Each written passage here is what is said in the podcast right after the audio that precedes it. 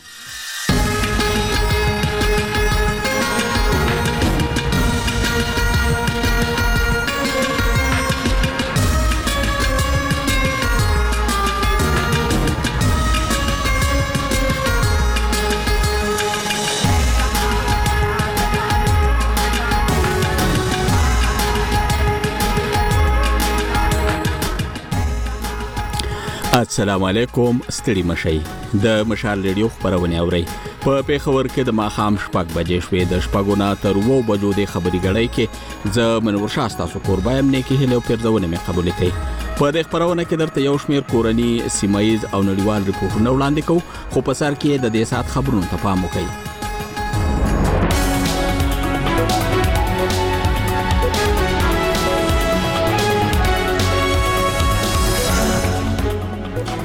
د مهمو خبرونو سرټکی د خیبر پښتونخوا او بلوچستان د اسمبلیو لپاره د سپیکر او مرستيال سپیکر د انتخاب بهیر تر سره شو د پاکستان انتخاباتي کمیشن د ولسمشر د انتخاباتو لپاره چارواکي ټاکلي او په غزا کې د اسرایلی ځواکونو په برید کې لسګونه کسان وژل شوي دي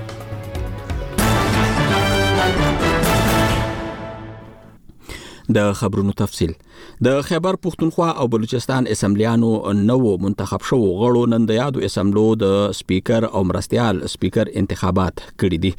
د خیبر پښتونخوا اسمبلی په غونډه کې د تحریک انصاف کاندید بابر سلیم سواتی سپیکر او سوریا بیبي بی مرستيال سپیکر منتخب شوې ده بلخوا په بلوچستان اسمبلی کې کیپټن ریټایرډ عبدالخالق اچکزی سپیکر او د پیپلز ګوند میرمن غزاله ګولا مرستیاله سپیکر منتخب شو لدې مخکې د خیبر پښتونخوا او بلوچستان اسمبلیانو نو منتخب شو غړو پرون د راتلونکو 15 کلونو لپاره د خپل دندو حلف واخیسته د فروری اتم انتخاباتو د نتیجو لمخې د پاکستان تحریک انصاف ملاتړ لرونکي آزاد امیدوارانو په خیبر پښتونخوا کې غوس اکثریت ترلاسه کړي چې ورسته په سنی اتحاد کونسل کې شامل شوی دی د تحریک انصاف بنسټګر او پخوانی وزیر اعظم عمران خان علي امین ګنداپور د خیبر پښتونخوا د وزیر اعلی لپاره نومولې دی بلخوا پاکستان مسلم لیگ نواز ګوند او پیپلز پارټي وارلمخه په بلوچستان کې د ګډ حکومت جوړولو اعلان کړي خو تر اوسه د وزیر اعلی نوم نه اعلان کړي د پاکستان قامي اسمبلی په غونډه کې نو منتخب شو غړو نن د خپلې 15 کلنې دندې سوګند پورته کړ د قامي اسمبلی په نوټیفیکیشن کې ویل شوی چې د پارلماني چارو وزارت په درخواست وزیر اعظم د قانون او انصاف وزارت سره تر مشورې وروسته د آئین د آرټیکل یو نوي د دویم شق لاندې د قامي اسمبلی د لومړي اجلاس لپاره د انتظاماتو منځوري ورکړه د پاکستان د آئین سره سم کړه د انتخاباتو وروسته په 21 ورځو کې د نن د هواد ولسمشر غونډه راونه غواړي نو په کار ده چې لاس په خپل منعقد شي تر دې مخکې د قامي اسمبلی غونډه د فروری په اتمشتمه د کېدو سمري ولسمشر عارف علوي ته لیږل شوې وه خو نوموړي ایوان نامکمل وباله او د قامي اسمبلی غونډې د رابللو څخه یې انکار وکړ غونډه لومبه د قامي اسمبلی سیکرټریټ د فروری په اتمشتمه په یو اعلامیه کې راوبلله خو وروسته یې ولسمشر عارف علوي هم منځوري ورکړه د پاکستان د انتخاباتو کمیشن په اسلام آباد او سلورو صوبو کې د پاکستان د ولسمشر د انتخاباتو د ترسره کولو لپاره 15 پریزایډینګ افسران ټاکلي نن د الیکشن کمیشن د وی اعلامیه تر مخه به دغه افسران د صدارتي انتخاباتو لپاره د پارلیمان او صوبایي اسمبلیو څخه د کاندیدانو د نامزدګۍ کاغذونه ترلاسه کوي د نوټیفیکیشن لمخې د اسلام آباد های کورټ چیف جسټس به اسلام آباد کې د سېنات او قامي اسمبلی د انتخاباتو څارنه کوي دغه شان د انتخاباتو د کمیشن یو غړی به د پنجاب په صوبایي اسمبلی کې د سند های کورټ چیف جسټس به د سند صوبایي اسمبلی د پیښور های کورټ چیف جسټس به د خیبر پښتونخوا په صوبایي اسمبلی او همداراز د بلوچستان های کورټ چیف جسټس به په کوټه کې په صوبایي اسمبلی کې د صدارتي ټاکنو څارنه کوي د پاکستان اعلی امنیتي چارواکو په پیښور کې د شمالي وزیرستان اوتمانزو جرګې مشرانو سره په غونډه کې د وزیرستان د 500 قیدیانو د خوشی کولو موافقه وکړه پرون په پیښور کې د شمالي وزیرستان اوتمانزو جرګې مشرانو د کور کمانډر لیفټننټ جنرال حسن اظهر حیات سره ولیدل په دغه موقع په شمالي وزیرستان کې د پوز مشر میجر جنرال انجم ریاض هم موجود وو د جرګې مشر ملک نصر الله وزیر نن مشال ریډیو ته ویل چې په جرګه کې اوس مهال د نهویش قیدیانو د خوشی کېدو امر وشو چې د مختلفو واقعیاتو په تړاو نیول شوی په دغه کې یویش قیدیان نن خوشی کیږي د امن امان خبره ولرته کو 29 دلا درکړو 21 په میرانشاه کې ټیکنیکل 50 وکیل سره د غیر وکړي امنیتي چارواکو ویلي چې پاتې یوویشت کسان به په راتلونکو ورځو کې جرګې ته وسپارل شي پوځي مشرانو د اوتمانزو جرګې ته ډاډ ورکړ چې په سیمه کې د امن امان قایم ساتلو لپاره به ګډې هڅې کوي او د ځینو ترقیاتي پروژو منځوري هم ورکړې ده تاسو د مشال ریډیو خبرونه اورئ په غزا کې د اسرایلی ځواکونو په برید کې لسګونه کسان وژل شوې دي د اسوسییټډ پریس د یو ریپورت تر مخه نن د غزې په ښار کې د بشري مرستو په انتظار کې د فلسطینیانو په یوه غڼه غونه باندې په ظاهره د اسرایلو په برید کې د سیمایز روغتون د چارواکو په وینا لسګونه کسان وجل شوي او ژوبل شوي دي د شفا روغتون د نرسنګ د څنګه مشر ډاکټر جاد الله شافعي الجزیره شبکې ته ویلي چې په برید کې خواوشا 50 تنه وجل شوي او نور 2.5 ژوبل دي هغه په دغه اړه دقیق شمیر نه دی ورکړی الجزیره یو فوټیج خبر کړی چې خای اسو جسدونه او ټاپیان شفا ته رسیدلی دي د اسرایل پوز ویلي چې دا ریپورتونه سیډي د خبرونو پای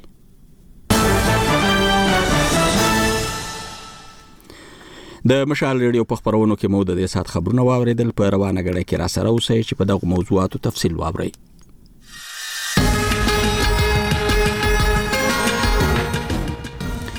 د خیبر پښتونخوا او بلوچستان په اسمبلیو کې د سپیکر او مرستيال سپیکر انتخابات شوي ل سیمه تازه حال اخلو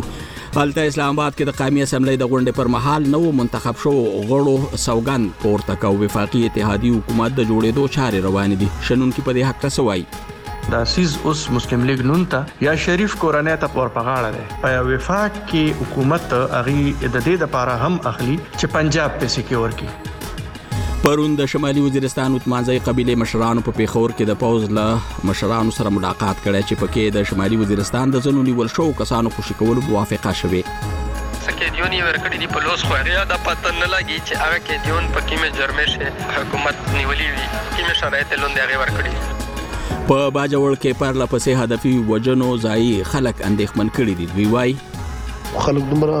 مایوس شوي دي خصوصا زمونږ څوک د حکومت نه غوښتنه نه کوي چې موږ له تحفظ راکړي موږ له دا راکړه بس کې دومره بې سکونی په 2008 او 9 اپریشن کې نو شکه ما غټ اپریشن او ملګری ملتونه وایي د غزې په شمالي برخه کې خلک د خوړو له کمښت سره مخامخ دي یو شمېر نور ریپورتونه به هم واوري د مشال ریډیو سره اوسئ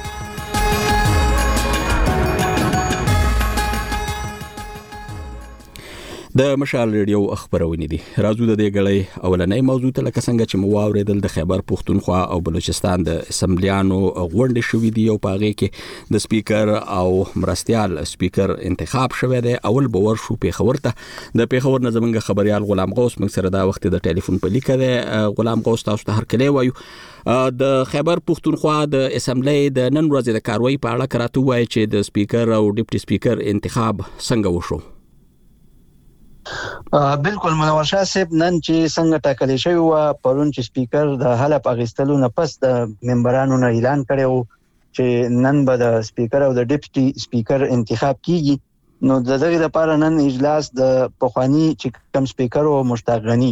دا غ په مشرۍ کې دغه شو شروع شو اول د سپیکر د لپاره د انتخاب عمل شروع شو د سپیکر د لپاره چې کم نه نو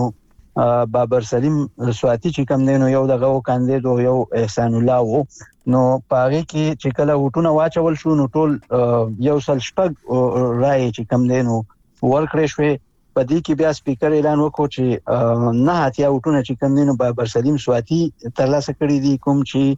د سنی اتحاد کونسل یعنی د پی ټی آی چې کوم آزاد ارکان پکې شامل شوی دي داغي امیدوارو نو هغه دا وګټلو د د په مقابله کې چې کوم نور ول سوټونه ونه هغه احسان الله میاخیل چې کوم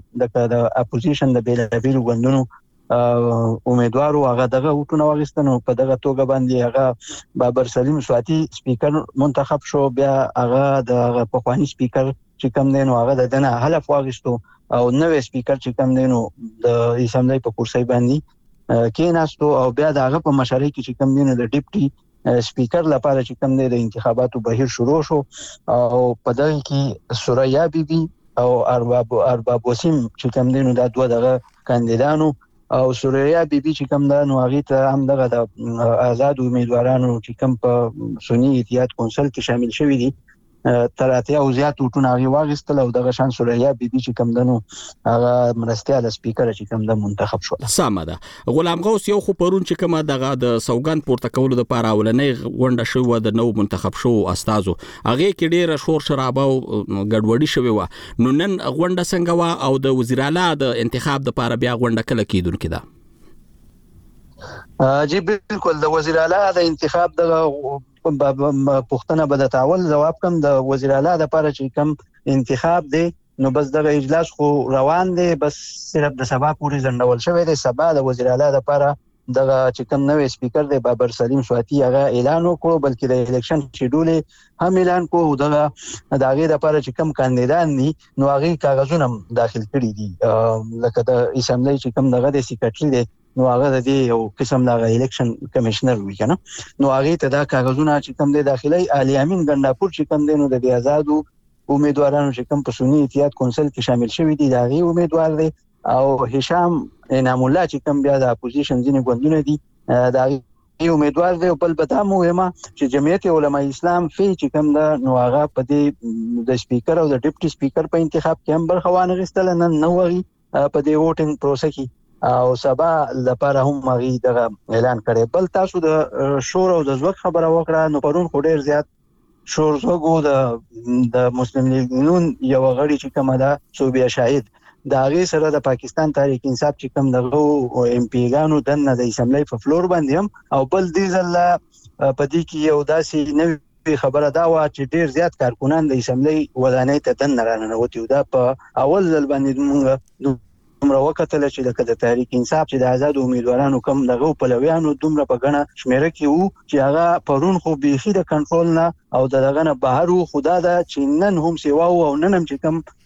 صوبه شاهد پرونه کومه قصه چې شوی و دا غي بندري او چې والي د مسلم لیګ نون مشرانو خلاف نو پاغي باندې هغه غوسه شوه نو د هغې د خپل اظهار لپاره چې کم دی نو هغې ګړۍ چوته کړې وه یعنې هغه د توشخانې کیس ته په اشاره باندې د عمران خان نو په هغې باندې هغې نور هم بیا غوسه شوي او پرون نو نن چې هغې کله بیا صوبې شاهد اوټ اچوه او دغه د سپیکر او د مرستیالي سپیکر د دغه لپاره نو په هغې محل باندې هم په هغې باندې ډېرې زیاتې چغې د پی ټی آی چې کم دغه کارکونان بهر ولاړو نو هغې وهلې یا نور چې کم د پی ټی آی نه کم کسان تلی وو لکه اقبال وزیر د وزیرستان د سیمې چې کوم لکه پاکستان تحریک انصاف پارلیمنټریانز ته چې هغه وخت یو د پرویز خټک په غون کې چې شامل شوی هغه پکې یو دغه کړی و ګټلی و یا هشام انعام الله مخکې په پی ټی آی کې وو نو هغه اوس دغه ته مسلم لیګ نن ته غوښتنه چې هغه کسان مثلا باغی سې کوله او چې کله باغی وټونه دغه کوله کول کول نو په هغه باندې به ډېری زیاتې چغې او نارې چې کم دي نو دا غي خپل مخصوص چې کمی دغه نارې وي نو هغه دغه په ځد باندې وهلي ډیره مننه غلام غوث چې تاسو مونږ ته د خیبر پښتونخوا د اسمبلی د نن ورځې کاروي تفصیل راک او د پرونی حالاتو نه هم خبر کړو د بلوچستان اسمبلی هم غونډه کړې ده چې پکې یې د سپیکر او مرستيال سپیکر انتخاب کړی دی د دغه لپاره کوشش کوو چې په کوټه کې د خپل ملګری ایوب ترين سره خبري وکړو الته کې د اسمبلی کاروي څنګه شوې ده او پاغه کې بیا دغه د انتخاب عمل چې کوم دی دا څنګه سر ته رسیدل دی په بلوچستان اسمبلی کې ریټایرډ عبدالحق ریټایرډ کپتان عبدالحق اچکزی سپیکر منتخب شوه دی او دا راز د پیپلز ګوند چې کوم کاندید وا مرمن غزاله ګولا هغه مرستيال سپیکر منتخب شوې ده من کوشش کوو چې په کوټه کې د خپل همکار ایوب ترين سره مخابري وشي نو دغه د کاروي صورتحال براته چې هغه کوم لیدلې ده یا معلومات خو سره نو د هغه حال به امر سره شریک کې زما تکنیکی همکار لګیا دی هغه سره رابطه کوي خو دغه چې کوم د اسمبلی غونډه کیږي د دې لپاره د امنیت هم ټینګ اقدامات شوي او دا غي د وجه نه بیا ځینې ځایونو کې د ټلیفون رابطه ګرانه نو موږ کوشش کوو چې هغه سره مرابطه وشي خو به هر حال منګه باور شو د پاکستان د قامي اسمبلی په لور کبیا مانس کې چرته زمونږ دغه همکار سره رابطه ټیک شو نو د بلوچستان د صوبایي اسمبلی تفصیل به هم درکو خو دا وخت ورځو اسلام آباد ته د قامي اسمبلی نو منتخب شو غړو د خپل دندو نن سوګند پورته کړی دی او په هیواد کې شپږو سیاسي ګوندونو په وفاق کې د راتلونکي اتحادي حکومت جوړولو لپاره سلا شوې دي متفق دي د دغه ګوندونو لخوا د وزیر اعظم د چوکۍ لپاره کاندید او د مسلم لیگ نواز ګوند مشر شهباز شریف د فروری په 28مه د ټولو اتحادیانو سره لیدلې دي نوموړي د ماخام ډوډۍ ته ټول اتحادیان وربللي وو چې پکې د قامي اسمبلی د سپیکر او د مرستيال سپیکر لپاره یې د خپل نوماندانو نمونه هم اعلان کړل د اتحادي ګوندونو مسلم لیگ نواز پیپلز پارټي متحده قامي موومنت استحکام پاکستان پارټي مسلم لیگ قاف او د بلوچستان عوامي پارټي مشرانو هم په دغه ورځ د جمعیت علما اسلام فی مشر مولانا فضل الرحمن سره ولیدل او مرسته یې تر وغوښته په دې حق له تفصیل د اسلام آباد نه زموږ خبريال راشد خټک راکوي په پا پاکستان کې د نوي حکومت جوړولو لپاره د 14مې قامي اسمبلۍ غونډه نن په اسلام آباد کې کیږي. د حکومت جوړولو لپاره شپږ سیاسي ګوندونو مسلم لیګ نواز، پیپل پارټۍ، متحده قومي مومنټ، استحکام پاکستان پارټۍ، مسلم لیګ کاف او بلوچستان عوامي پارټۍ په خپلو کې اتحاد کړی دی. په اته ویشت مه فرورۍ په اسلام اباد کې د مسلم لیګ نواز صدر شهباز شریف لخوا د دې ګوندونو مشران د ماښام ډوډۍ ته دعوت شوي وو چې د حکومت جوړولو لپاره یې سلا په کې وکړه.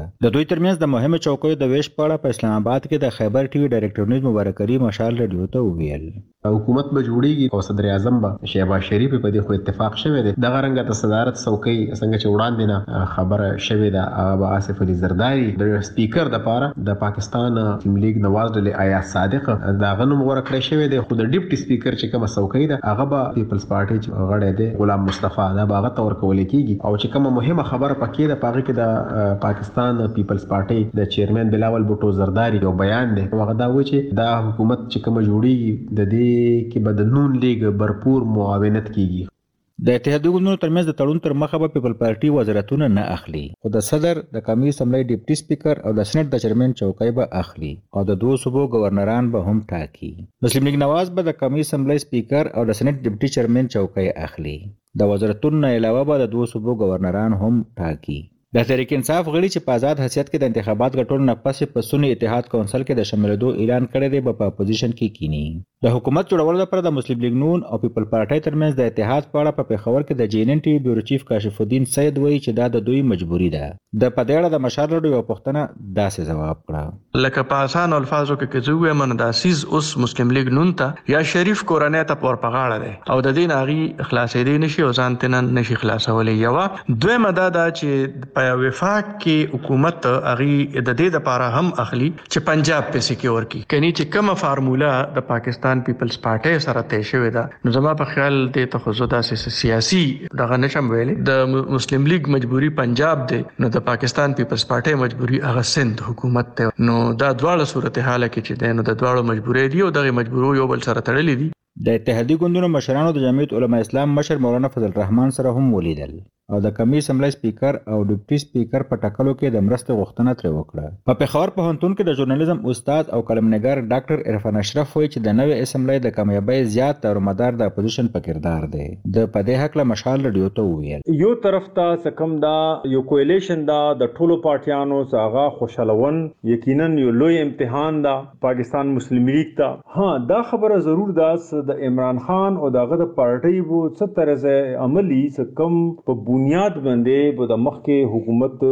پرفارمنس جاج اخلو زه ګڼم څه مخکې څه کوم وخت روان ده هغه مکه ده لکه کوم ریاست غوښتلو یعنی یو داسې کشاله یو داسې سرکس څه په کوم کې هره وه ورځ یوه نوې ډرامه پرته ده موږ ته مخته د قامي اسمبلۍ د غونډې د شډول تر مخه به په لومړۍ ورځ غړي سوګند پورته کوي، په دویمه ورځ به د سپیکر او ډپټي سپیکر انتخاب کوي او په دریمه ورځ به د وزیراعظم په ټاکلو کې برخه اخلي. په کویټه کې قانون پوه او تجزیه نګار همایون کسیو ډوکیټ وایي چې راتلونکی حکومت به د ډیرو ستونزو سره مخ وي. ده د یوې پوښتنې په ځواب کې مشال رډیو ته وویل. اسټبلشمنټ خوښه نه وه چې دا ټاکنې وشي، دا قاضي فایز عیسی په وچ زور وکړې، نو په مجبوري کې دوی ټاکنې خو وکړې، خو ټاکنې داسې ټاکنې وکړې، چې داغه یو کریډیبیلیټی نشته مثال ټول آزاد کینډیډیټس راوستل او هغه څوک دلی څوک دوری بس یو هپ اند ډیزرټ دی دوی سر نه پخلاصي چې څوک اوس به دا کتل وی چې دا پروګدا د دوی دا تجربه څو کال چلیږي د پارټیانی چیم دونه ریلیکټنټ دي کنه دغه وجه دا د پولیټیکل پارټیانی د دې کرایسس د وتلو پروګرام نه لري د قمی اسمبلی د ټولو چوکیو شمیر 314 دی خو اوس مهال صرف درې سوه غړي لري، ځکه چې د ځانګړو چوکیو لپاره د شل ښځینه او درې اقلیتي غړو نومونه تر اوسه نه دي اعلان شوي. پنځه چوکۍ هغه غړو پریښي دي چې د صوبايي اسمبلو انتخابات یې هم ګټلي وو یا یې تر وې زیاتې چوکۍ ګټلې وې. اټکل کیږي چې د پیپل پارټۍ یو مشر او پخوانی وزیراعظم یوسف رضا ګیلاني به هم د سینیټ جرمین جوړیدو لپاره خپله د کمې اسمبلۍ چوکۍ پریږدي او په باجوړ کې د یو کاندید د وژل کیدو له وجې په یوه حلقه کې انتخابات نه وو شوي. راشد خټک، مشال ریډیو، اسلام اباد. د مشال ریډیو واتس اپ چینل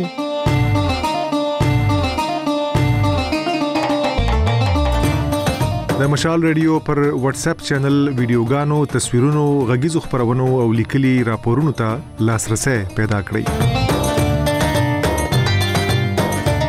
د خپل واتس اپ کینی یا چپی خواته د اپډیټ برخه ته ورسی او بیا د چینلونو د لټون په برخه کې مشال ریډیو لیکه په دې توګه تاسو د مشال ریډیو واتس اپ چینل پیدا کولای او ورسره ملګري کېدلی شئ د مشال رادیو د واتس اپ چینل لینک له ملګرو سره هم شریک کړئ د مشال ریډیو خبرونه اوري پرون د شمالي وزیرستان اوتمانځي قبيله جرګې مشرانو د پیښور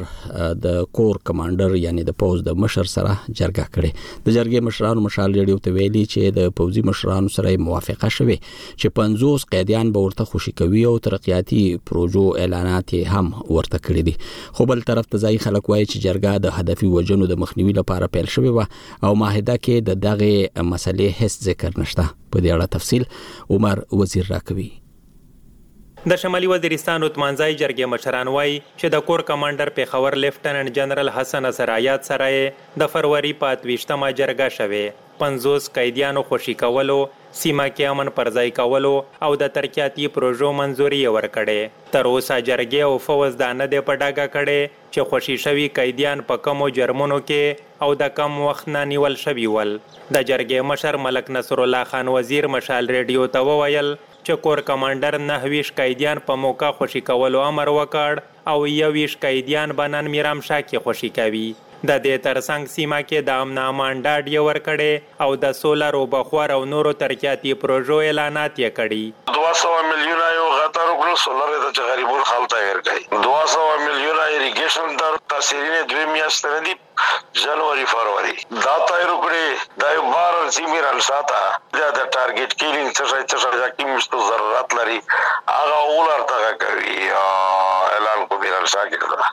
د امن امان خبرې ولر ته کچ ونه تی سي دلا درو کړل او ای کیس په میرالشاه کې دی ټیک لیکل پچاس وې کیل سه دی غیر وکړي.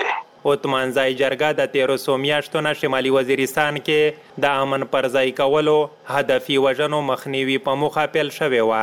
جرګې د حکومت سره په پیل کې په ملاقاتونو بندیز لګولی و او دې لړ کې د حکومتي او فوځي چارواکو سره په ملاقاتونو کولو ګڼ مشران یې جرمنه کړي هم ول. د شمالي وزیرستان ځايي خبریال رسول داوړ مشال رېډیو ته وویل چې جرګې د څو میاشتو نه د امن چغه وهله. خلک د هدفي وژنو سره مخ دي. خو په معاهده کې د هدفي وژنو د مخنیوي په اړه هیڅ نه دي ویل شوي. شمالي وزیرستان څو مشرونه چې د اوتمنزای په نوم د یو لشکر یو جرګه یې جوړه کړي وه، پرین د کور کمانډر پېښاور سره ملاقات وشو، هغه ته ډاډګیرنې ورکړې شوې. دی یې ویلي وي چې میر به په علاقه کښې د امن د پوره هدفي وژنې ټارګیټ کیلینګ چې کیم ده د هغې د پوره به منډه وهي، په حکومت باندې به خپلې مطالبې مني، به تکل ځي، نورې خبرې دي خو. چې پرين کيمه خبره وشوله دی په هغې بوندې ميژ د خلک سره رابطې وکړلې په هغې کښې هغه شرايط شامل نه دي چې کيمې بوندې دی روتلي وي او په کيمې بوندې دی خلک جرمونه کل کري نه ړنګ کړل البته څه قيديون يې ورکړي دي په لوس خو هغې ته دا پته نه لګي چې هغه قيديون په کيمې جرمې کښې حکومت نيولي وي کيمې شرايط لوندې هغې ورکړي دي. د جرګې مشران او ميرامشا کښې فوځي چارواکي وايي چې کور کمانډر به زر د شمالي وزيرستان دوره کړي. د امن امان او هدفي وژنو د مخنیوي لپاره راتلونکي پلانونو به خبرې کوي او هڅه کړي چې سیمه کې د امن پر ځای کولو لپاره حکومت، فوځ او جرګه شریکه هڅې توندې کړي. عمر وزیر، مشال ریډیو، بنو. د مشال رادیو هر ورځ د سهار له سالورو تر شپږو بجو د سهار له نهو د ماخام تر وو بجو د شپې له نهو نه تر لسو بجو او بیا له یولسو تر دولسو بجو په دې سپو خبرېږي منځنۍ سپا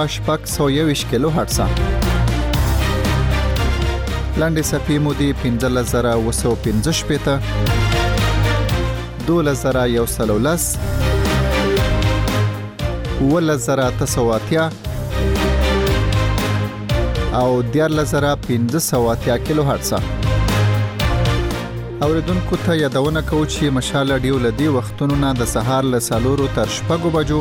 د مازیګر له شپږو نه تر وو بجو د شپې له نهو نه تر لسو او بیا د شپې له یولسو نه تر دولسو بجو په منځنۍ سپه شپږ سوه یوویشت کیلو هرتز خپرېږي په پاتې یادو شو وختونو کې مو یوازې په لنډو سپو اورېدلی شئ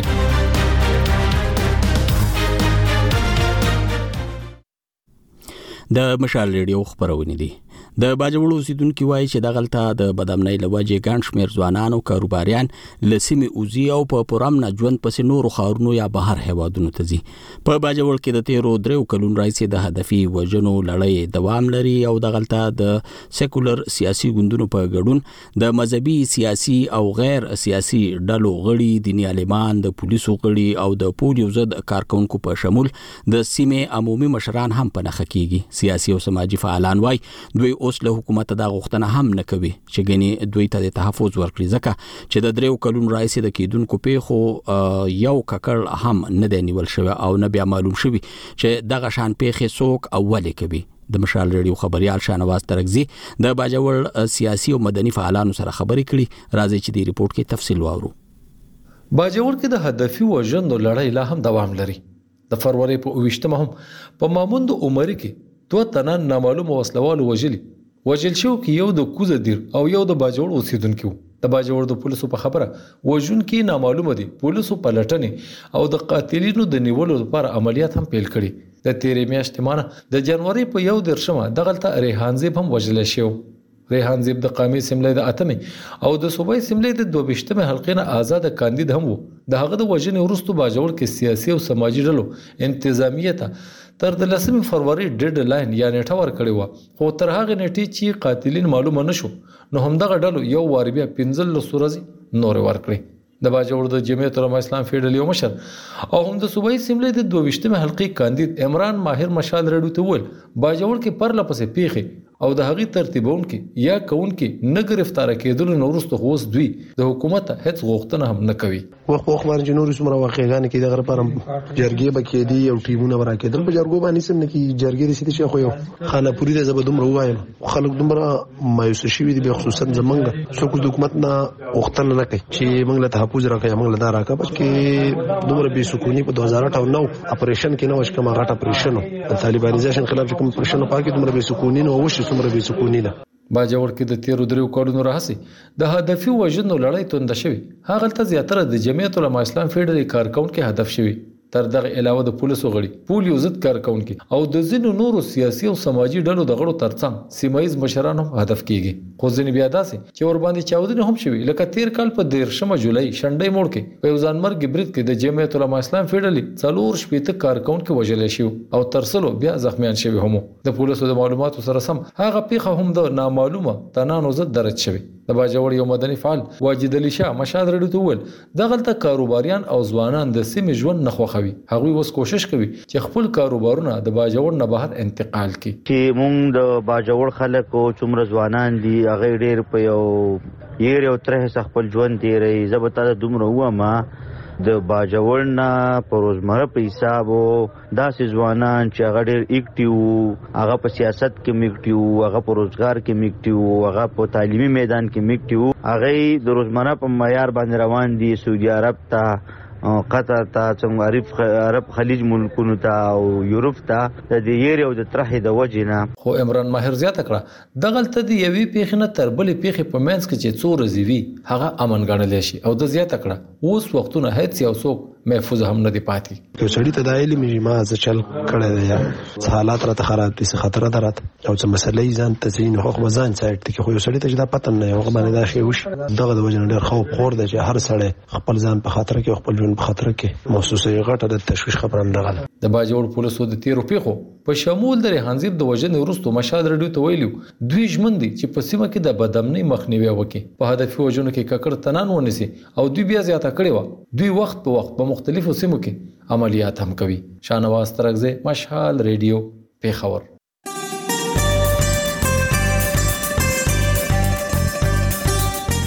د مشال رډیو د جمعې ورځې اونیزې خپرونې. د مشال رېډيويي مجله. په لس نيمو بجو. هارون باچا هنري ګړی. په يوه بجه. تاندې هيلې. په دوه نيمو بجو. د مشال په نوم. په دريو بجو. حجره. په څلور نيمو بجو. د ځوانانو غږ. په پنځو بجو. د مشال ریډیو د روانې غړې نیمای ته ورسېدلو په پیښور کې د ماخام شپږنیمې بجې دي د دې سات د خبرونو لاندې استپام وکړي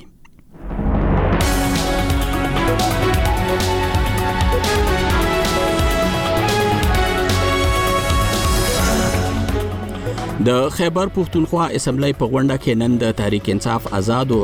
امیدوار بابر سلیم سواتی سپیکر او سوریا بیبي بی مرستياله سپیکر منتخب شو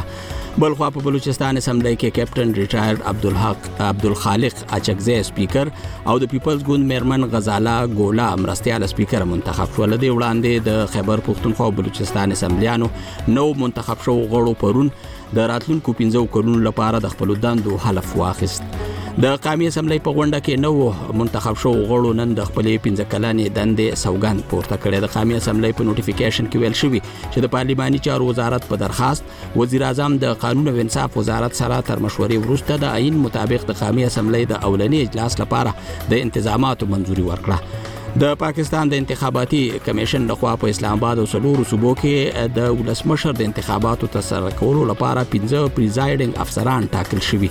نن د الیکشن کمیشن د یوې اعلامیې تر مخه دغه افسران د صدارتي انتخاباتو لپاره د پارلیمان او صوبایي اسمبلیو څخه د کاندیدانو د نامزدګۍ کاغذونه ترلاسه کوي د پاکستان اعلی پوځي چارواکو په پیښور کې د شمالي وزیرستان او اتمانځي جرګې مشرانو سره په غونډه کې د وزیرستان 500 قیدیانو د خوشی کولو موافقه کړې مشران وای په جرګه کې اوس مهال د 9 قیدیانو د خوشی کېدو امر وشو چې د مختلفو واقعاتو په تړاو نیول شوی پوځي مشرانو د اتمانځي جرګې ته ډاډ ورک چې په سیمه کې د امن قائم ساتلو لپاره بغاړي هڅه کوي او د زنو ترقیاتي پروژو منځوري هم ورکړه د پاکستان موسمیات محکمه ال نن څخه د مارچ تر دویمې د هواد په یو شمېر برخو کې د تیزو بارانونو، طوفانونو او واورې ورېدو امکان خوده دي د موسمیات څنګه پرون په خپل ویب پاڼه په یو اعلامیه کې ویل چې لنن څخه د بلوچستان په یو شمېر سیمو کوټه نوکندی دالبندین چاغي قلات خوزدار لسبیلا تربت کیچ ګوادر خاران موساخیل روب لورلای زیارت قلعه سیف الله او نور یو شمېر سیمو کې د تیزو بارانونو امکان دی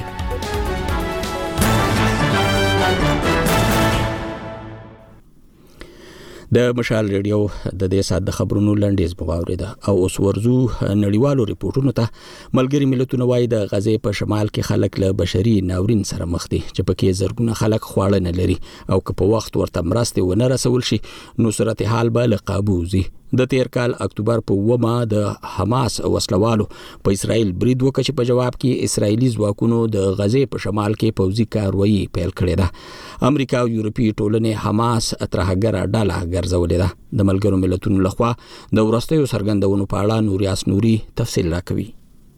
په غزه کې د اسرایل او حماس ترمنځ پر روانې جګړې د پنځو میاشتو په تیریدو سره په سیمه کې بشري بحران لا پراخ شوی د ملګرو ملتونو د بشري مرستو د همغږۍ ادارې ویلي چې د غزې شمالي برخه سخته قحطۍ ګواښي د دې ادارې مسول ویان رامش راجا سهنګام پرون چهارشنبه په جنیوا کې د غزې وضعیت ډیر د اندېښنې وړ وباله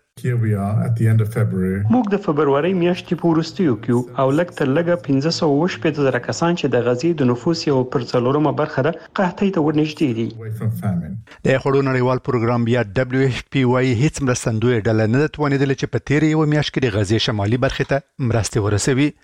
د دې پروګرام په وینا اسرائیل د غزې شمال ته د مرستو او هم د سیمې ته د لاسرسي مخه نیولې ده په اوس وخت کې پر خوراکي موادو بار ډیر موټر درول شوی خو د یو شمېر بهرنیو هیوادونو پوځونه د غزې جنوبي برخې ته له هوا مرستې غورځوي په عین حال کې په غزه کې د یو لنډمهاله اوربند لپاره نړیوال مرکچیان وایي چې د اسرایل او حماس ترمنځ د شپږو اونیو لپاره یو اوربند ته نږدې شوي دي د یوه اوربند لپاره هڅې له څو اونیو راهیسې د مصر، قطر او د امریکا د متحدو ایالتونو لخوا پیل شوي، خو تر اوسه یې نتیجه نه ده ورکړې. تمه ده چې د یوه لنډمهاله اوربند په ټینګېدو سره به د اسرائیل له زندانونو د په سلګونو فلسطیني بندیانو د خوشې کېدو په بدل کې د حماس لخوا لسګونه برمته شوي ازاد شي. حماس پر اسراییل د اکتوبر په اوومه په حملې سره نژدې یو زرو دوه سوه کسان ووژل او شاوخوا دوه سوه څلوېښت تنه یې یرغمل کړل. د تېر کال په وروستیو کې د یوه لنډمهاله اوربند په ترڅ کې حماس یو سلو پنځه تنه یرغمل آزاد کړل او اسراییل هم په بدل کې له خپلو زندانونو دوه سوه څلوېښت فلسطیني بندیان خوشې کړل. مشال رادیو د جمهوریت ارزښتونو پالونکي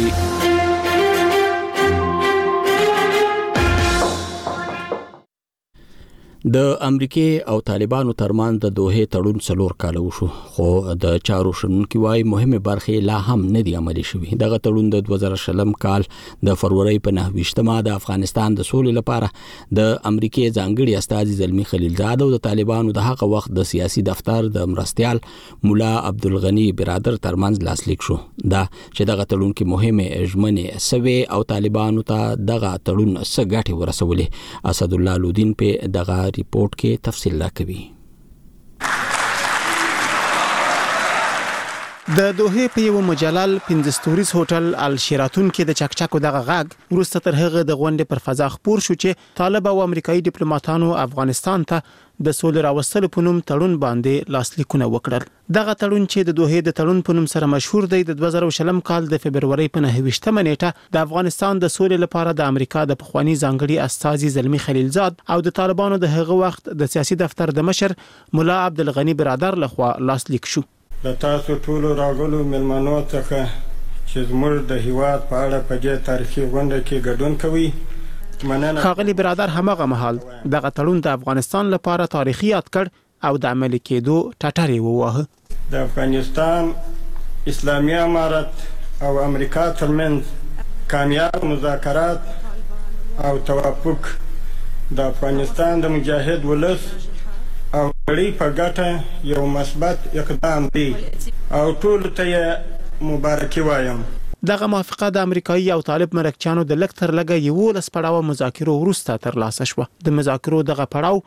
د دوه زره او اتلسم کال په اکتوبر کې په دوحه کې پیل شو او د دوحې تړون تر رسېدو شاوخوا شپاړس میاشتې یې دوام وکړ. پوښتنه دا ده چې د امریکا او طالبانو د دوحې په هوکړه کې مهمې برخې او ژمنې څه وې او څومره عملي شوې؟ د دوحې تړون څلور عمده برخې درلودې او د ټولو په سر کې یې د طالبانو هغه ضمانت و چې ویې ویل، د افغانستان له خاورې به د متحده ایالتونو د امنیت په ضد کار نه اخیستل کېږي. دویمه برخه یې له افغانستانه د ټولو بهرنیو ځواکونو د وتلو مهالوېش ته ځانګړې شوې وه او درېیمه برخه یې دا وه چې طالبان به د هغه مهال له جمهوري حکومت سره بین الافغاني خبرې پیلوي. د تړون څلورمه برخه دا وه چې بین الافغاني خبرو کې به پر دایمي اوربند خبرې کېږي. د تړون یو مهم ټکی دا هم و چې پکې راغلي د طالبانو اسلامي امارت چې په طالبانو معروف دي، د متحدو ایالتونو له خوا د یو دولت په توګه نه پېژندل کېږي. خو د همدې تړون له لاسلیکه یو نیم کال وروسته هر څه بدل شول او طالبانو د دویم ځل لپاره پر افغانستان ولکه ټینګه کړه. د ډېرو په باور همدا د دوحې تړون له افغانستان څخه د امریکايي او ناټو ځواکونو د بشپړ وتلو د جمهوري نظام د کمزوري کېدو او په افغانستان کې د طالبانو د بیا ځلي واکمنېدو لامل شو. طالبانو عین فکر کاوه چې وخت امریکایان وځي نو ولې دوی دا وکړي چې د قدرت یې برخې باندې راضي شي ولې ټول ونه نیسي. د واشنګټن په ملي دفاعي پوهنتون کې استاد او د چارو شنونکی علي احمد جلالي وايي، همدې، د دوحې تړون طالبانو ته مشروعیت ورکړ او واک ته یې ورسول. د دوحې تړون چې دی دا یو تړون دی چې نیمګړی پاتې شو، تطبیق نه شو، آغاز لري او انجام نه لري. په حقیقت کې دې تړون د طالبان قدرت ته د رسیدو لپاره د طالبانو لاره هواره کړله، یو څه یې د دې لپاره هواره کړله چې یو مشروعیت یې ورته ورکړ. ځینو هیوادونو چې ولیدل چې طالبان امکان لري چې په قدرت ته راشي او یا د قدرت یو برخه شي نو روابط یې ورسره زیات کړل، ټینګ کړل، مرستې یې ورسره وکړلې. ښاغلي جلالي ازادي راډیو ته وویل، طالبانو له پخواني افغان حکومت سره د واک شراکت ته لېوالتیا نه درلوده نو ځکه یې د زور له لارې قدرت ونیو. د دوحې له تړونه لا څو اونۍ تېرې نه وې چې طالبانو او متحده ایالتونو یو بل د تړون د مادو په نقض تورن کړل. دا هغه څه وو چې په پوره شکل باندې سر ته ونه رسېدل. دوحې د تړون په کتو کې یا په عملي کېدو کې. د چارو کتونکی عبیدالله برهاني دواړه لوري یعنې متحده ایالتونه او طالبان د تړون په نه عملي کېدو کې ګرم بولي. او عین وخت کې هغه څه چې طالبانو عهد کړی دی چې منطقې لپاره به ګواښ نه اوسېږي اما دوی همېشه لپاره دا ډاډ ورکوي خو لا د نړیوالو یا د چاپېریال هېوادونو امنیتي اندېښنې لا پر ځای دي او یا مختلفو وختونو کې راپورته کیږي دا اندیښنې دي چې د افغانستان حکومت سره شریکیږي. ملامتیا په دواړو طرفو ده که چیرته رښتیا هم دوی غوښتلای ټولو طرفونو چې د دې تړون نه په اعظامي شکل باندې ښه کار اخیستل شوی وای نو هغه به په مدار د هرې دوه او درې میاشتو کې یا څلورو کې باید دوی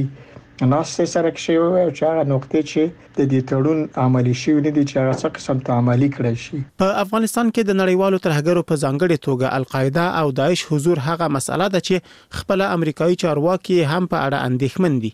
که څه هم د طالبانو یوه ژمنه دا وه چې دوی به له نړیوالو ترهګرو ډلو سره اړیکه نه پالي، خو د افغانستان لپاره د امریکا شارژ دفیره کرن ډیکر وايي، طالبانو د دوی دغه اندېښنې نه دي رفع کړي. مېرمن ډیکر په تېره تلې میاشت کې ازادي راډیو ته په یوې ځانګړې مرکه کې د دې پوښتنې په ځواب کې چې طالبانو د دوحې تړون څومره عملي کړی، وویل.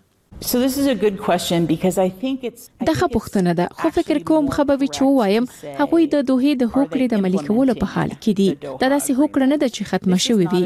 د تروریزم په وړاندې د مبارزې د ژمنو د عملي کولو یوه ټولګه ده چې باید په ورځني ډول عملي شي، تر څو پورې چې هغوی القاعده ته پناه ورکړې وي او داعش په افغانستان کې فعالیت وکړي، هلته د ترهګرۍ ګواښ پر خپل ځای دی. موږ له هغوی تمه لرو چې دې موضوع ته ژمن وي، نو ځکه دا داسې شرط ده چې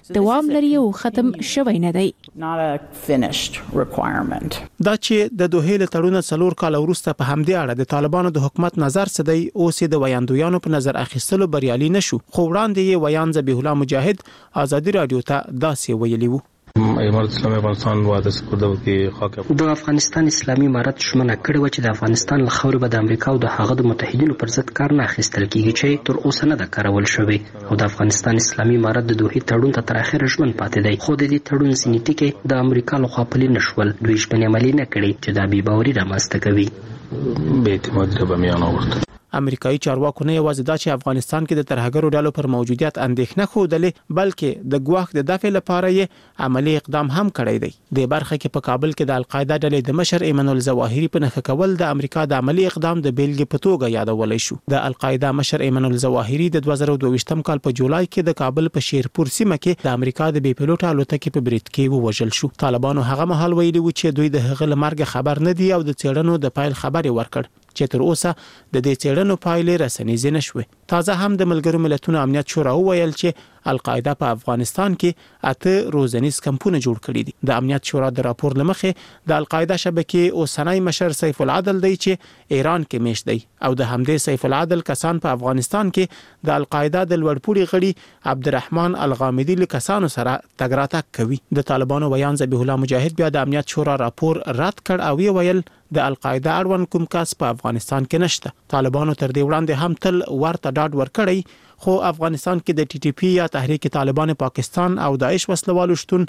هغه مسئله ده چې د افغانستان ګاونډیان په ځانګړې توګه پاکستان، ایران، تاجکستان او ازبکستان یې اندېښمن کړي دي.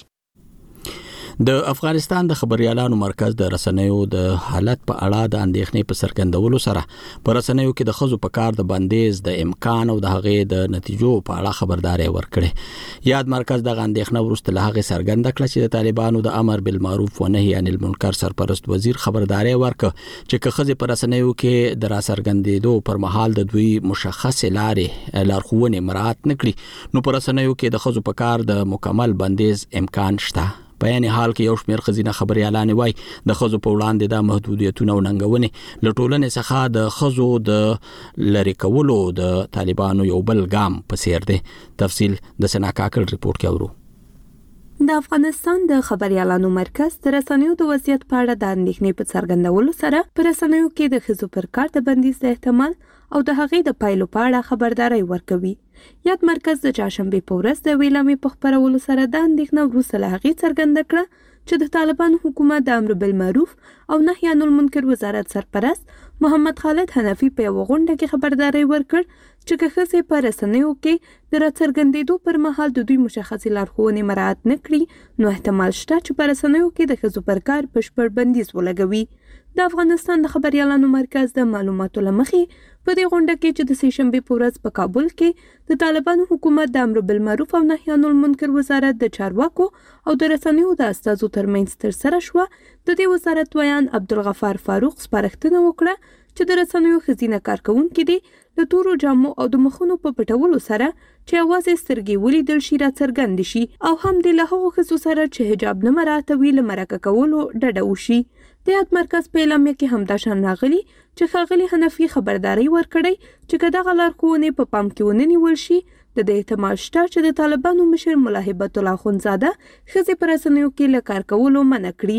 د افغانستان د خبریالانو مرکز د عدالت غوښتنې او اړیکو کمیټې مسؤلې سمیه ولیزاده ازادي راډیو سره په خبرو کې وویل چې پر رسنیو او خبریالانو د محدودیتونو له امله د دوی قانوني ازادۍ ترې اخیستل شوې دي. واقعا نگران کننده است مرکز دا په رښتیا د اندېښنې وړ ده. د افغانستان د خبریالانو مرکز د دې محدودیتونو د لرې کولو غوښتنه کوي، ځکه د هغو تګلارو له امله چې صادر شوي دي زموږ خبریالان محدود شوي دي په حقیقت کې دا ټول د دې لامل شوی چې د خبریالانو او رسنیو قانوني ازادي په افغانستان کې سلب شي. په ورته وخت کې یو شمېر ښځینه خبریالانو ازادي راډیو ته وویل، د ښځو پر وړاندې دا ډول محدودیتونه او ننګونې له ټولنې څخه د ښځو د حذفولو او د بیان د ازادۍ د نقضولو لپاره د خطر زنګ دی. دوو ښځینه خبریالانو د موضوع د حساسیت له امله د نوم نه ښودلو او غږ بدلولو په شرط ازادي راډیو ته وویل. هر یک از این محدودیت ها بر روی خانم ها و هر یک. د ښځو پر وړاندې دا محدودیتونه او ننګونې له ټولنې څخه د ښځو د حضور د کمولو لپاره یو قدم دی چې اخیستل کیږي. زموږ په شان د خبریالانو میرمنو ویره او اندیښنه دا ده چې دا محدودیتونه زیات نه شي او موږ سبا د دې شاهدان واوسو چې ښځې نور په رسنیو کې حضور ونه لري. اګر ام چون محدودیتونه. که دا ډول محدودیتونه ډېر شي، موږ به واقعاً له یوې تیارې راتلونکې سره مخ شو. موږ د دې محدودیتونو له پایلو څخه وېره لرو. د افغانستان د خبریالانو مرکز څېړنې ښيي، په داسې حال کې چې د طالبانو حکومت د تېر جمهوري نظام د رسنیو قوانین د تطبیق وړ بللي، خو دوی د خپلې بیا واکمنۍ له پیل راهیسې د رسنیو او خبریالانو په اړه لږ تر لږه ولس فرمانونه صادر کړي چې د رسنیو له قانون سره سمون نه لري او د خبریالانو او ازادو رسنیو لپاره یې کاري چاپیریال محدود کړی دی. دا مشال ریډیو ده که د روانو چارو نه ځان خبروي د مشال تر څنګ اوسئ د پاکستان تحریک انصاف د فروری په 28مه نړیوال مالیاتي ادارې یا آی ایم ایف ته یو خط استولې چې پکې یې د انتخاباتو د شفافیت سره د پور ورکولو په حواله باندې د غوینه غوښتنه کړې ده دغه خط د پی ټی آی ویان روف حسن لیکلې ده او وایي چې دا یې د خپل مشر عمران خان په وینا لیکلې په دغه لیک کې دا هم ویل شوی چې مقصد یې هیڅ کله د آی ایم ایف د قرض مخه نیول نه دي خو د آی ایم ایف په پروګرام کې خند هم چول نه غواړي البته د انتخاباتو د شفافیت غوښتنه کوي بل خو د اقتصادي چارو کارپوهان او سړونکو د پی ټی آی د یغه لیک په اړه بیلابل نظرونه لري تفصیل دې د کراچۍ نه زمونږ خبريال نظری خان راکوي د اقتصادي چارو کارپوه او چیرونکو وایي د دې لیک بد اغیز به د پاکستان په نوي حکومت او آی ایم ایف سره د پور پروګرام په خبرو اترو هم وي په کراچۍ کې د اقتصادي چارو کارپوه ملک تنویر د فرورۍ په نهه ویشت مه مشال رېډیو سره په خبرو کې وویل، د شوي ټاکنو په نتیجه کې په هېواد کې د هر چا حکومت چې جوړېږي، په وړاندې یې سخت سیاسي او اقتصادي چیلنجونه دي. اب اسکا اثر اس حد تک تو هوګا که لازمي پاکستان سې ان کی ان کی شرایط ذرا سخت هو جاینګي. دی وايي د دې لیک اغېز به دا وي چې آی اېم اېف سره د خبرو په وخت به د هغوی شرطونه نور سخت شي ولې چې پاکستان کې نوی حکومت په سیاسي توګه مضبوط حکومت نه جوړېږي د عمران خان ګوند له خوا په مرکز او پنجاب کې یو مضبوط اپوزیشن او په خیبر پښتونخوا کې یې حکومت دی بیا سیاسي استحکام هم نه لیدل کېږي او پاکستان کې چې کوم حکومت جوړېږي دا به ډیر کمزوری حکومت وی. بړی کمزور حکومت هوګی. ملک تنویر وايي، پي ټي آي لخوا آی اېم اېف ته د خط استولو بد اغېز به خامخا مخې ته راځي او د دې اغېز به د پور ورکولو په پروګرام کې له سختو شرطونو سره وي. نوموړي په وینا، د ملک حالات په مخکې وړلو لپاره به پاکستان راتلونکی حکومت مجبوره وي چې یو وار بیا د پور لپاره آی اېم اېف ته لاړ شي. د پي ټي آی لخوا آی اېم اېف ته دا لیک په داسې حال کې استولی شوی دی چې پاکستان نوي حکومت ته سمدستي د جاري پور پروګرام لپاره آی اېم اېف سره خبرې کول دي. پوهان وايي نوی حکومت به د روانې میاشتې تر اخره یا د اپریل په پیل کې څه باندې یو ارب ډالرو لپاره آی اېم اېف سره خبرې کوي. بلخوا په کراچۍ کې د اقتصادي چارو کارپوه خبریال وکیل الرحمان بیا وايي د پور پروګرام کې به آی اېم اېف د پي ټي آی دې لیک ته اهمیت ورکوي. آی ایم ایف هم چه دښکه پاکستان سره کله خبری کوي نو هغه به خامخا د تحریک انصاف دی موقف ته به چه دی نو اهمیت هم ورکوي ځکه چه تحریک انصاف مخکنی چه کوم الیکشن وو په حکومت کی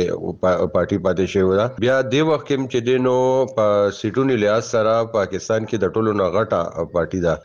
په یو صوبه کې د هغې چې دی نو واضح اکثریت دی د دومره غټ د تحریک انصاف دا پارټي چې دی نو آی ایم ایف هغې نشي اګنور کولی نو هر قسمه چې د حکومت نه هغې په دغه کې راروان پروګرام کې هر قسمه یقیندیاني شورټي یا څه خبرې کوي هغه به تحریک انصاف هم خامخا اونبورډ علي وکیل الرحمان وايي پاکستان ته راتلونکي دریو کالو کې شاوخوا پنځه اویا اربه ډالر بهرني قرضونو په صورت کې بېرته ورکول دي او د دې لپاره به پاکستان د آی اېم اېف سره د شپږو نه تر اته اربه ډالرو نوی تړون هم کوي. بلخوا په اسلام اباد کې د اقتصادي چارو کارپوه ډاکټر غلام صمد د فرورۍ په نویشت مه مشال لېډیو ته ویلي، پاکستان کې سیاسي استحکام نه ښکاري، خو د پي ټي آی د دې لیک مقصد اقتصادي نه بلکې سیاسي دی او پي ټي آی د خپل سیاسي ګټې لپاره لیک استولی دی.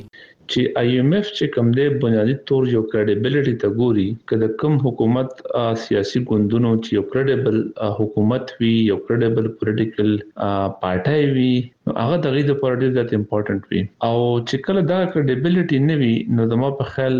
بیا چی کوم دی نو مسایل چی کوم دی نو هغه موجود وی. پاکستان کې بنیادي تور دې ټیم کې چې کوم مسله ده کنه هغه زیات تر سیاسي ده په دې رنګ کې چې دی یو بل چې کوم دینو لاندې را غوزاري نو زما په خیال دا خبره خو اوس واضحه ده چې هر ادارو ته پته ده چې ملک کې دې ټیم کې د دې چې کوم جنګ دی هغه د کورسای جنګ دی سیاسي جنګ دی او اکنامکس د دې پریارټي نه ده. که څه هم پاکستان تحریک انصاف په خپل لیک کې دا هم ویلي چې د دې لیک د لیږلو مقصد یې هیڅکله د آی ایم ایف د پور مخه نیول نه دي او نه د آی ایم ایف پروګرام کې خنډ کېدل غواړي خو د پاکستان نگران وزیر اعظم انور الحق کاکړ پخوانی وزیر اعظم میا نواز شریف شاباز شریف او نور غړو بیا د پاکستان تحریک انصاف د دغه لیک غندنه کړې ده او د پی ټی آی مشر عمران خان یې سختې نیوکې کړې دي. شهباز شریف په اسلام اباد کې د اسمبلۍ له لومبۍ غونډې خبریالانو سره په خبرو کې ویلي چې د تحریک انصاف له خوا آی ایم ایف ته لیک استول د سایفر نه وروسته د ملک دښمنۍ دویم لوی ثبوت دی. پي ټي آی په استولي خط کې ویلي چې د اتمې فرورۍ په ټاکنو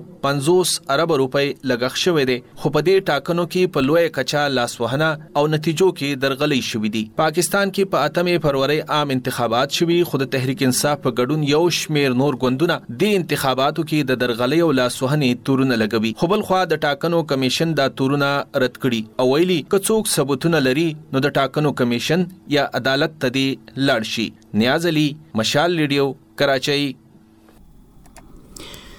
هلته په کورمه کې د سپینغر ادبي ټولنې لخوا د شاعرۍ او موسیقۍ یو پروګرام شوه دی د فروری په 28مه دغه بندر کې مقامی سندرغاړو سندري ویلې ځوانانو اترونه وکړل او شاعرانو خپل کلامونه وړاندې کړل دا بندر د ضلعي انتظامیه په مرسته جوړ کړل شوی وو نور تفصيل د تاریخ اورګزی رپورت کې اورو چې دغه پروګرام په یو سندره پیلېږي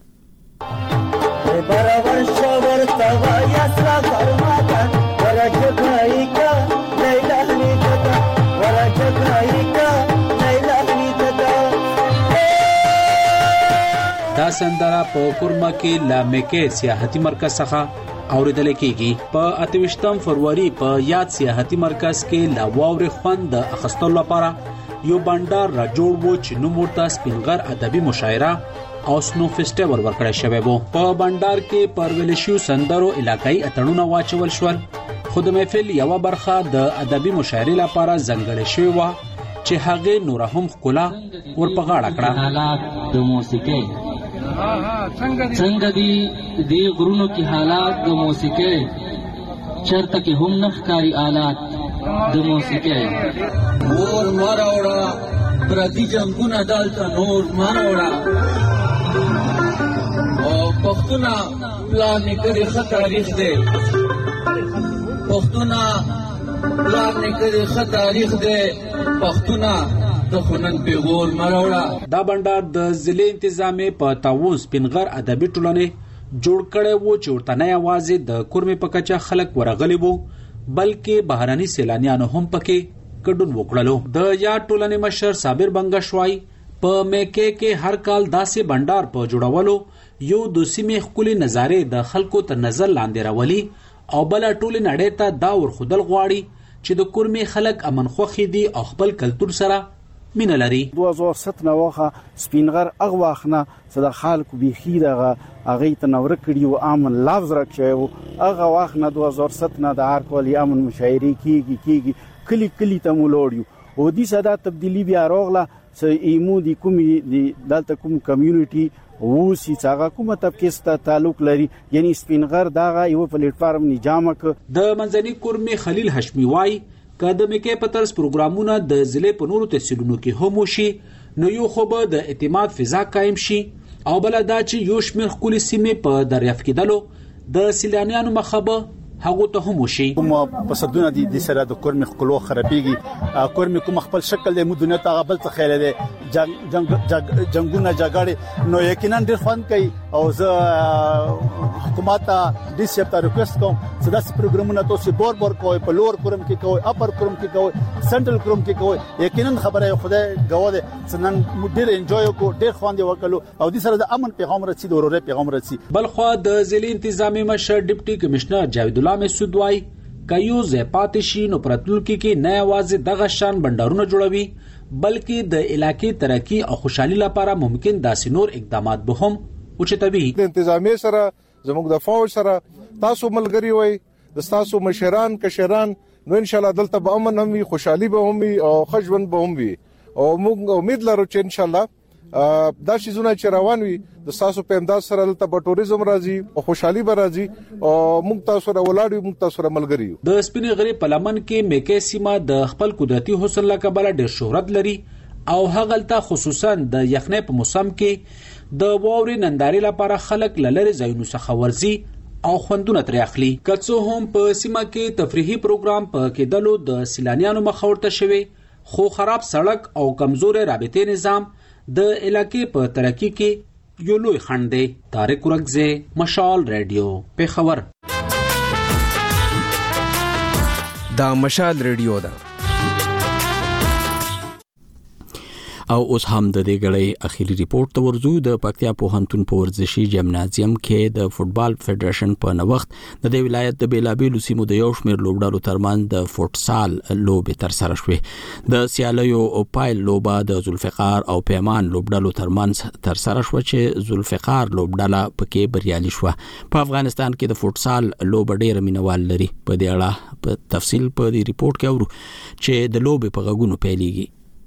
د پکتیا پوهنتون په ورزشي جمنازیوم کې د فوټبال فدراسیون په نوښت د دې ولایت د بیلابیلو سیمو د یو شمېر لوبډلو ترمنځ د فوټسال لوبې ترسره شوې د مسابقو پایلوبه د ذوالفقار او پیمان لوبډلو ترمنځ ترسره شوه چې ذوالفقار لوبډلې اتلولي خپله کړه د پکتیا د فوټسال لوبډلې ورزشکارانو په وینا دوی پیاوړي لوبغاړي لري چې کېدلی شي په راتلونکي کې د فوټسال د ملي لوبډلې برخه شي نو دا یو ښه زمینه وه د هم د شاګردانو لپاره هم د سپین ږیرو لپاره هم د نوي ځوانانو لپاره چې زه راشي هم لوبې وکړي او هم لوبې وګوري نو ما د دولت څخه او د د فدراسیون یا د فدراسیون د مشر څخه د غوښتنه ده چې دوی د همدارنګه نور دغه ګراوند هم جوړ کړي پکتیاوال ورزشکاران د ژمي په موسم کې دوی لپاره د ترمیناتي لوبو د زمینو برابرولو ته خوښ دي خو شکایت کوي چې په تیر کې د ولایت کې د ورزش پرمختګ ته لازمه پاملرنه نه ده شوې ضروري شیان داسې ده چې پکتیا لپاره هیڅ شی بس هیڅ شی اندک شیان هم خدمت نشته شوی مثلا مصنوعي چمن پکتیا ته ضرورت ده باید دلته راوړل شي او نور شان ډیر شان د چې موږ ورته وایو په پکتیا کې ورزشکاران وایي د دوی سپورتي فعالیتونه یوازې همدې ولایت پرې منحصر پاتې شوي او دا زمينه ورته نه ده برابره شوې چې له دې ځایه بهر خپلو سیالانو سره ولوبېږي تجربې ترلاسه کړي او ویاړونه وګټي خواهش لرو چې د ورزشکارانو سره مرسته وکړي واقعا بهترین ورزشکاران مو په پکتیا ولایت کې هم همداشن په افغانستان کې لرو داسې ورزشکاران شته چې مخکې نشهیي توکو استفاده کول اوس همداشن خپل مسابقه ته دوام ورکړي او ښه فایټران ونه جوړ شوي دي ان شاء الله په نږدې وخت کې به هغونه استادان جوړ شي ان شاء الله بلخوا د برنامې تابیا کوونکي د دې لوبو موخه په پکتیا کې د فوټسال لوبو پرمختګ، د دې لوبې له تخنیکونو سره آشنايي او ورزشکارانو ته دوامدارو تمرینونو لپاره د شرایطو برابرول په ګوته کوي. مخکو وختو کې په ژمي کې به په پکتیا کې هوا ډېره یخه به وه، نو لوبې به نه وې، ټول ورزشکاران به په کور وو، نو مو ډېره مننه د پوهنتون ادارې نه، له رئیس صاحب نه، معاون صاحبانو او مدیر صاحبانو نه ډېره مننه چې موږ سره سږ کال ډېره همکاري وکړه په پوهنتون کې د دې فوټسال لوبې هلته شروع کړې. یاده دې وي چې په دې وروستیو کې فوټسال لوبې په افغانستان کې ښه پرمختګ کړی او ملي لوبډلې یې په نړیوالو لوبو کې پیاوړو لوبو ته ماتې ورکړې ده. د افغانستان د دې ورزش ملي لوبډلې تېر کال د مرکزي اسیا د فوټسال په سیالیو کې ترکمنستان، ازبکستان او قرغیزستان پیاوړې لوبډلې ماتې کړې او همداشان یې د میانمار، چک جمهوریت، لبنان، مالیزیا، تایوان، موزمبیک او تاجکستان لوبډلو سره لوبې مساوي کړې. دا مشال ريډيو ده.